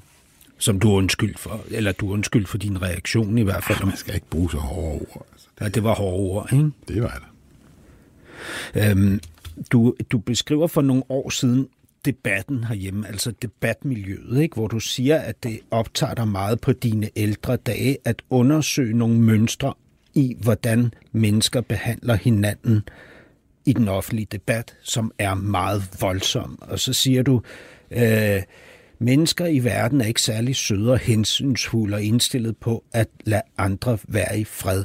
Jeg er ikke særlig god for til at forsvare mig mod grænseoverskridende mennesker, som tramper på mig og har deres egen dagsorden. Mange har på forhånd placeret mig et, i et eller andet fjendebillede og har skråsikre meninger om, hvem jeg er.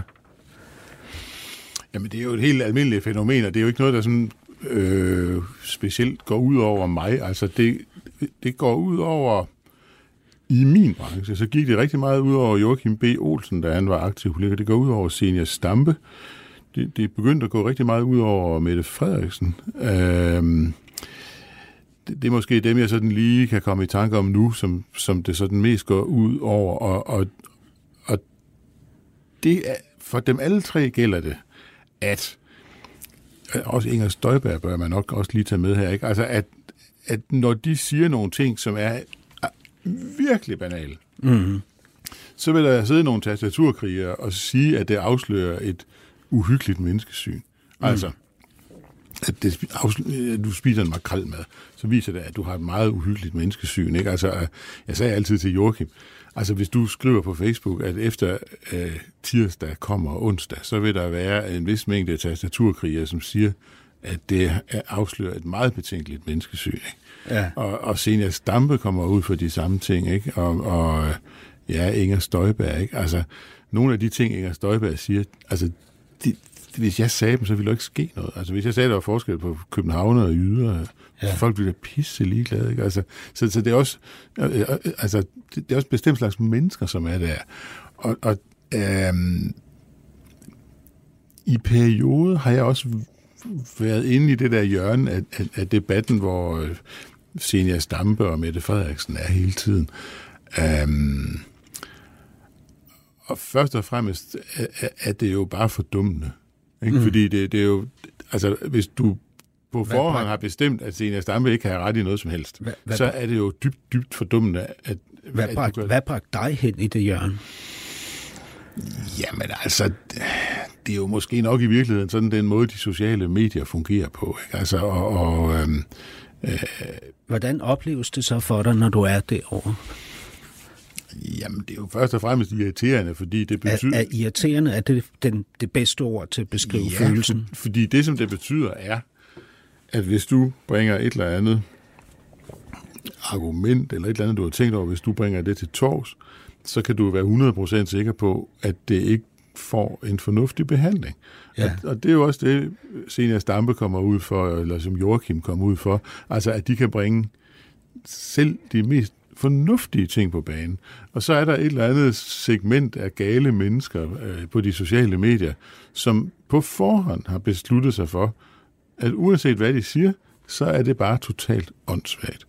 Og det er jo på en eller anden måde jo fordummende at, at, at have den der automatpilot øh, slået til. Um, og det tror jeg også, hvis du spørger de her mennesker, jeg har nævnt, sådan ærligt, at få dem til at svare ærligt, så vil jeg sige, at det er også irriterende, at man kan ikke lancere en eller anden idé, og så få den diskuteret ja. ordentligt. Altså, og, og det synes jeg da også er irriterende, men, men jeg, jeg synes bare, det er ikke så slemt, efter jeg blev politiker, som det egentlig var før, faktisk. Mærkeligt nok. Altså, det skulle man tro, at det ville blive værre, men det er blevet mindre slemt. Ja, man kan også sige, før der befandt du dig jo permanent i fjendeland som liberal sociolog i et forholdsvis marxistisk miljø. Ikke? Jo, jo, jo. Nu har du tonet rent flag, kan man sige. Ja, ikke? og så har, Men, ja, så har man jo også selvfølgelig også nogen, der bakker en op. Altså når man er på de sociale medier, så har man den der blokeringsfunktion. Den er jo også god. Altså, ja. den, den skal man ikke glemme. Prøv at høre, Henrik. Der er jo noget... Ah, jeg ved ikke, hvordan jeg skal nærme mig det her vi talte en del om din far. Frem til, at du fyldte 50, frygtede du, at du skulle dø, som han gjorde, som 50-årig af en blodprop lige pludselig. Øh, uudlevet, som du beskrev ham, at du syntes, han var. Øhm, det skete ikke. Du har til gengæld haft mega travlt med at sørge for, at du aldrig skulle blive som din far en, der ikke levede sine drømme og ambitioner ud. Du mente, at han for eksempel skulle have skrevet en historisk bog om Ribe. For eksempel. Ja, et eller andet. Men, men når jeg ser på, på din far, jeg nævnte det også kort, ikke? jeg kendte ham jo ikke. Jeg ved jo ikke, hvordan han virkede. Men du har ikke præsenteret noget som helst bevis på, at han gik rundt og følte, at han var et uudlevet menneske. Tværtimod, så skiftede han jo fra gymnasielærer til at blive præst, og fulgte dermed sin drøm, og han fik fucking syv børn. Hvad er det, han ikke nåede? Jamen, øh, Udover at give dig jamen, oplevelsen af, jamen, hans liv var præget af en eller anden form for resignation, som han også en gang imellem gav udtryk for. som han fortalte om. Ja. Øh, og det, der skulle meget til, altså, men jeg kan huske en gang, at han var på kursus et eller andet sted nede i Tyskland, og så skrev han et brev til mig, og så skriver han sådan lidt om, hvordan der er. Øh, og så siger han sådan, ja, og det der sådan kendetegner byen, det er sådan en lang, lige vej, der går midt igennem byen, og hvor der ikke rigtig sker noget. Og det minder måske lidt om mit liv. Det sagde han simpelthen. En lang lige vej, hvor der ikke rigtig sker noget. Ja. Og, og det er jo sådan Hva- en, det er jo men sådan en resignation, ikke, som, Ja. ja. som kommer frem der. Ikke? Og den resignation synes jeg, at jeg kunne høre en gang imellem. Ikke? Okay, men resignation en gang imellem i et langt liv, hvor man i øvrigt har foretaget et omfattende karriereskift og et, en geografisk forflytning og har fået syv børn, er vel ikke unaturligt eller farligt? Nej, altså, og, og jeg kan jo heller ikke vide, om jeg Er du ikke resigneret en gang imellem? Ja, Jo, altså det, det, det er en del af at være menneske, Ja. at, at, at man griber sig selv i at tænke, sådan er det. men, men havde du fornemmelsen af, at det var resignationen, der slog din far ihjel? Jeg synes, han virkede resigneret, og det, det, er jo, det bygger jo bare på min fornemmelse for andre mennesker, og så en- gang imellem, øh, at han lod et ord falde om, at, at ja, mit liv er sådan en kedelig landvej, ikke? Altså, det, det er det, og, og øh, hvad kan der menes med, at man siger sådan, ja, det, det jeg synes, det lyder resigneret, ikke? Jeg kan jo ikke, på den måde tog han jo sine hemmeligheder med sig i graven, ikke? Altså, men, men, altså, men Ja, ja, det, det, synes jeg. Men han tog også øh, muligheden for at forandre et narrativ med sig i graven, kan man Bestemt. sige. Ja, Ikke? bestemt. Helt bestemt. Altså, øhm, Hvor, hvor var du i dit liv på det tidspunkt, hvor din far døde? Du var 23.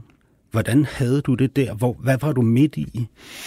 jamen, der gik jeg på universitetet. Hvordan, var du glad? Øh, Var det en svær tid?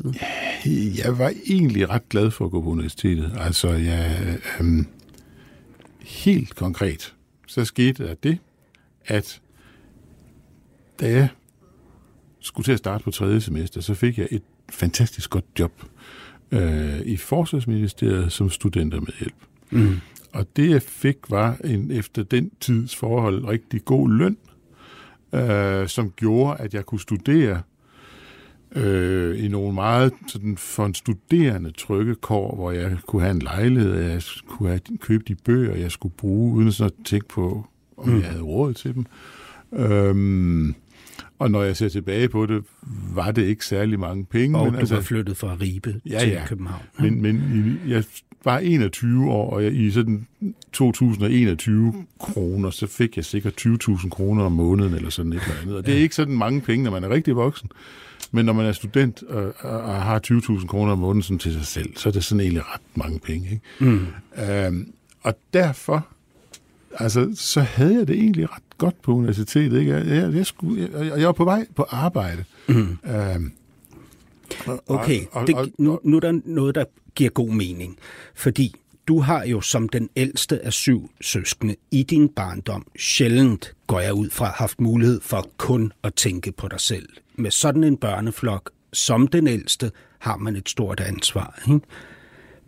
Fra året efter, at din far dør, og du møder Ida og begynder dit etablerede liv med seriøs karriere, bogudgivelser, barn på barn, som I får sammen, har du heller ikke haft et øjeblik, hvor du kunne tænke kun på dig selv. Så som 23-årig i København, fra Ribe, med dit første job, dine egne penge, der var Henrik Dahl i retten til kun at tænke på sig selv.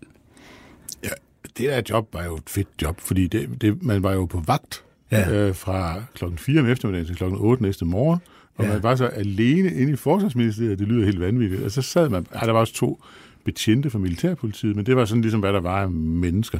Og så sad man jo på den der vagt og tjente mm. penge, øh, og kunne øh, forberede sig til de forelæsninger, man skulle til næste dag, og tænke store tanker. Ja. Øhm, og når man så endelig fik fri, så kvæg man havde en god løn, så kunne man også gå til et koncert, eller gå i Må, biografen. eller må jeg spørge dig om noget, Henrik?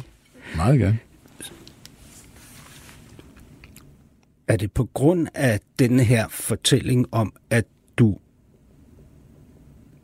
ikke må tænke på dig selv, at du er så mega dårlig til at få sagt fra i tide?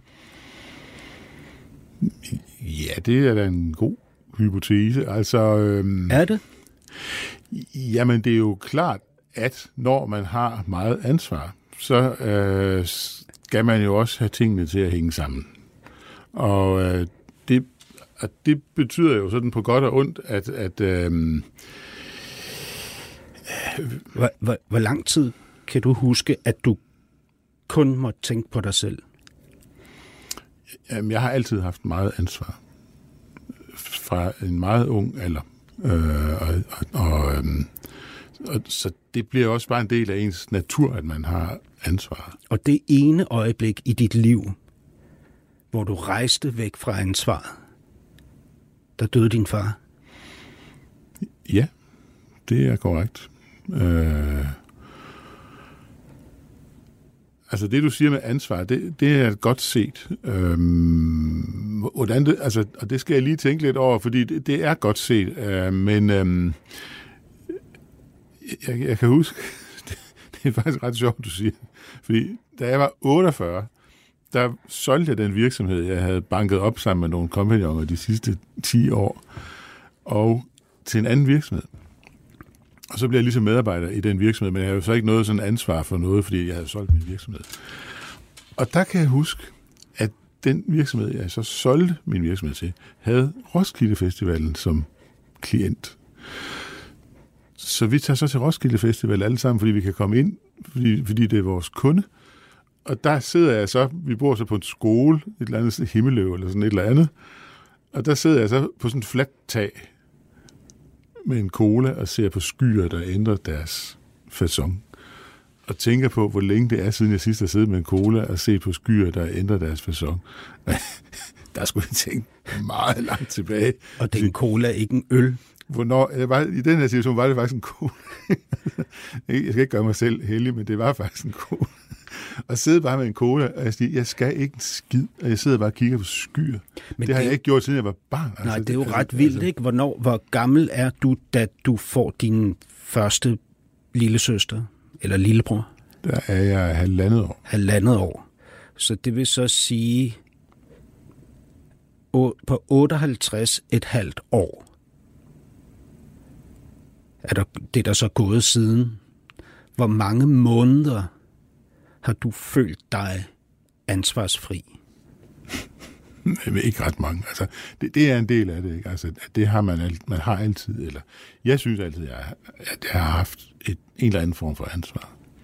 Uh, og det er bare sådan, det er. Men kunne du forestille dig, at den følelse, og det, at du siger, at det er bare sådan, det er, er medvirkende til at afskære dig fra noget i dig selv og i kontakten med andre, som kunne være nyt og fantastisk at opleve?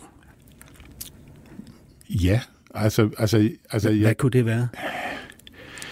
Jamen, det ved jeg sgu ikke. Altså, men, men, men det er jo godt set, det du siger, fordi det, det, hvis, hvis jeg sådan hurtigt tænker efter, så er det jo rigtigt nok, at, at, at jeg var ikke særlig gammel, før jeg fik til opgave at, at passe mine søskende, når mine forældre skulle et eller andet, eller da jeg var en 10-11 år, har jeg fulgt mine to yngre søskende hele vejen fra Sønderland op til Thy, ikke? tog. Bare selv fundet ud af at køre op i tog og sådan noget. Ikke? Også, ikke? Så det, og det er jo et stort ansvar, når man er en 10-11 år, ikke? at man så skal passe på to yngre søskende. Og arbejdsrelationer. Jeg har været, altså jeg har været chef i rigtig mange år i forskellige sammenhænge og, og så videre. Ikke? Og der har man jo altid ansvar. Du har undervist, du har tre børn, du har en del ekskoner. Jo, jo, jo. Du er i et parti lige nu, hvor I er to en halv person til at bære samtlige ordførerskaber osv. Du pendler frem og tilbage. Og det er bare en del af det. Og det er jo rigtigt nok. Altså, Men øh... det der med at sidde og kigge med en cola i hånden på skyerne, der driver, hvad, hvad er det for en oplevelse, du har, når du gør det? Eller hvad er det for en følelse? Jamen, det er jo sådan en pragtfuld øh, meditativ øh, følelse, som jeg, jamen, som jeg opsøger. Altså, jeg kan godt lide at cykle en lang tur, eller gå en lang tur. Jeg kan virkelig også godt lide at, at køre mellem København og Ribe. Det tager tre timer, uden at jeg sådan øh, skal noget. Ja, og, og, uden ansvar. Og, og, og det er jo virkelig det er jo meget sådan meditativt, meditativt at køre bil, hvis der ikke er alt for meget trafik, fordi man skal koncentrere sig, men man skal ikke koncentrere sig om noget bestemt. Og jeg kan ikke meditere, men det jeg har taget med er, at meditation på en eller anden mærkelig måde også består i at koncentrere sig, uden at koncentrere sig om noget. Ja. Og det er egentlig ret behageligt at koncentrere sig, uden at koncentrere sig om noget. Og ikke at skulle tage ansvar og så sidder man ligesom, så sidder man ligesom bare der, og det er også derfor, jeg altid elsket at flyve, specielt før, at flyverne blev så gode, at man kunne komme på nettet i fly og sådan noget, ikke også? Fordi da jeg var Når man flyver, så ligger hele ansvaret i hænderne på en anden person. Du kan ikke gøre en skid, altså. Du kan bare, jeg, jeg kan, altså, så, da jeg var forskningschef i AC Nielsen, det var der i 90'erne, der kunne man ikke ringe til og fra fly, og man kunne ikke komme på nettet og sådan noget. Ja. Så hvis du skulle se, uh, hvad pokker ved, et eller andet sted i Europa, ikke? Jamen, så havde du tre timer, hvor det var fuldstændig legitimt, at du ikke lavede en pind. Ja. og det har jeg altid synes var top, top fedt, simpelthen. Ikke? Altså, ja. øh, så det er da noget, jeg godt kan lide. Ikke? Du har jo også, ud over det med, at du ligesom øh, skal tage ansvar, ellers så dør far, ikke? så har du jo også et, øh, et moralsk øh, narrativ med fra din far, fordi han jo også var tydelig omkring, at det er, som han sagde, en vandære ikke at gøre sig umage. Jeg tror, det er en fortolkning af, hvad han sagde, men det var, det var det, der har, det er ment. Er det, altså, var det ikke men, ordet vandære? Er det, det er var min det fortolkning. Ikke? Nå, men, men, fortolkning. Men, okay. men, altså, men, men ja, altså begge mine forældre har da altid ment, at man er ikke forpligtet ud over sine evner, Ja. men man er til gengæld også forpligtet til og med sine evner. Men hvis nu, at du fik gjort dig fri af de her øh, to ting, ikke? at det er en vandære ikke at gøre sig umage, og at folk dør, hvis man slipper ansvaret. Hvis du fik gjort dig fri af de to ting, hvilken Henrik Dahl vil man så møde, tror du? Hvad vil det befri dig for?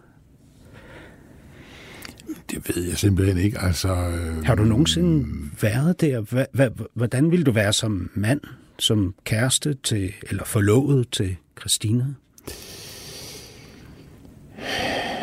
Det ligger næsten uden for min fatteevne, hvordan det ville være, fordi jeg har aldrig prøvet det, men altså, øhm, man, jeg kan da godt lege med tanken nogle gange om, hvad jeg vil lave i min pensionisttilværelse. Ja. Men, men altså, Lad os høre. Men det er også altid noget med at få skrevet nogle bøger, eller få læst nogle bøger, eller et eller andet, ikke? Altså, øh, men bare i sit eget tempo, og altså, øh, jeg, jeg tror i virkeligheden, min, min idé om at give slip på det hele, det er sådan ret meditativt. Altså, det, det, det, er, det er sådan at sidde på en bjergtop, ikke? Altså, Ja, kigge ud ja. med blikket sådan på afstand. Men så, så abstrakt er det for dig, at billedet er at sidde på en bjergtop, hvilket ingen jo gør. Altså, Nej, der er ingen, der sidder på en bjergtop, Henrik. Nej, nej, men det, men Det er jo ikke men, sådan, man giver men, slip. Nej, nej, men det er sådan noget, det er sådan noget jeg ser for mig. Ikke? Altså, fordi det, øh, jeg, jeg synes også, at øh, hvis jeg skal være helt ærlig, så synes jeg også, at, at øh, nogle gange, når man har, og jeg har sagt, at fra i nu og indtil i morgen, så frelægger jeg mig ansvaret for noget som helst. Ikke? Så har jeg ansvaret sådan med at komme krybende ind ad døren alligevel. Ikke? Ja, så bliver du så- rasende, ikke? Det er jo rigtig irriterende. Ikke? Ja. Altså, øh, altså sådan, Kan de ikke engang forstå? Jeg havde bare brug for, for en nat uden ansvar, og så kommer de igen. Og, Det, det sker jo nogle gange sådan i weekenderne, at- så synes jeg, at jeg har fået bunkerne sådan høvlet tilpas langt ned, og sådan noget, og, og, hvor jeg ligesom siger, altså nu øhm, har kontoret simpelthen bare lukket, altså indtil i morgen. Kontor? Altså, der sker ikke, vi tager ikke imod bestilling. Slut. Altså. Henrik, lige om lidt, så skal du være bedstefar. Ikke? Jo, det er rigtigt. Hvordan vil du kunne være en ansvarsfri bedstefar?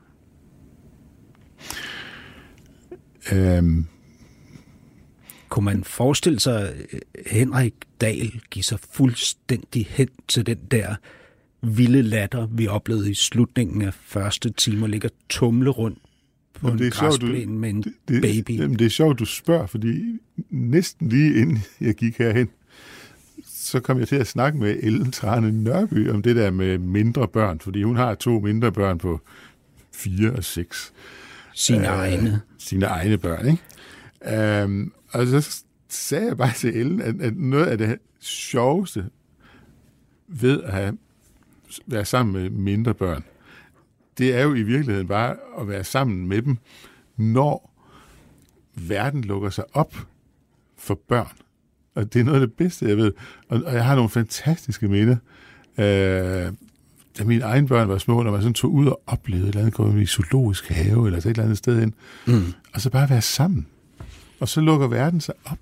For, Men, men som forældre har man jo altså. stadig den der øh, bagstopper, der ligesom hedder, øh, vi, kan ikke, vi skal børste tænder, nu skal de ikke bare spise Jamen, det er øh, slik til aftensmad. Alt det det, der, ikke? Ja. Det, det kan du jo give fanden i.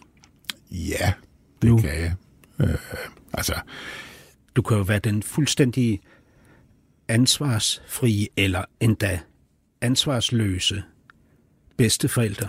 Ja, det kan man godt. Men altså, men, altså jeg må være ærlig at sige, ikke? Altså, jeg, jeg, jeg- jeg synes også, at man er en irriterende far, hvis man modarbejder sine børns børneopdragelse. Ikke? Så derfor så vil jeg stadigvæk mene, at At du skal Det- tage ansvar. den rigtige ting at gøre, det er selvfølgelig, at de ting, man laver på en eller anden måde, sådan er inden for skiven i forhold til den linje, som barnets mor og far har lagt. Har, har du spurgt dem? Nej, men altså det ved, altså det, det er jeg 100% sikker på, at det synes Karen og Helge også. Det er sådan, altså, Men, men at, vil Karen synes, at du var den bedste bedstefar ved at øh, holde fast, eller ved at give slip? jamen, jeg synes jo, at man skal behandle andre mennesker, sådan som man gerne selv vil behandles. Det må være udgangspunktet.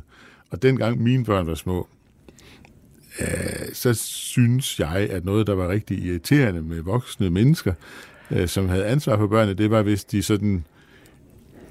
Øh,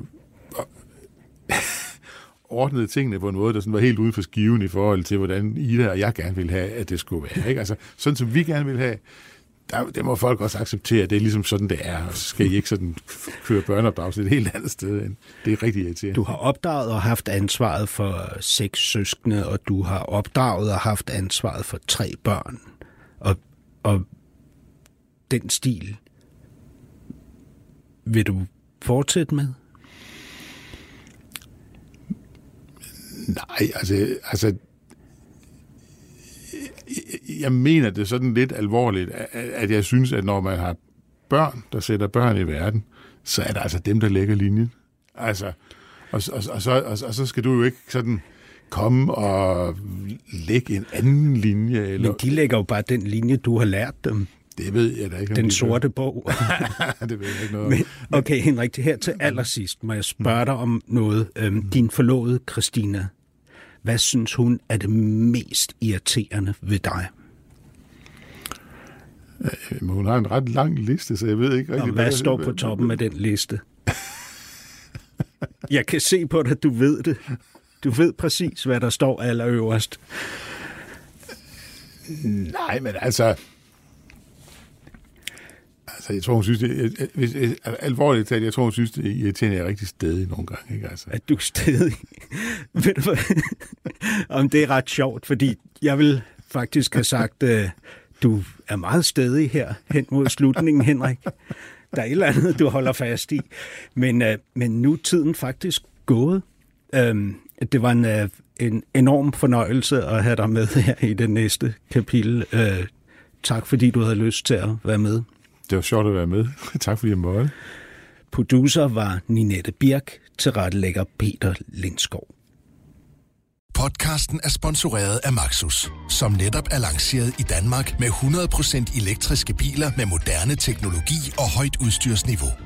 Find din forhandler på maxus-danmark.dk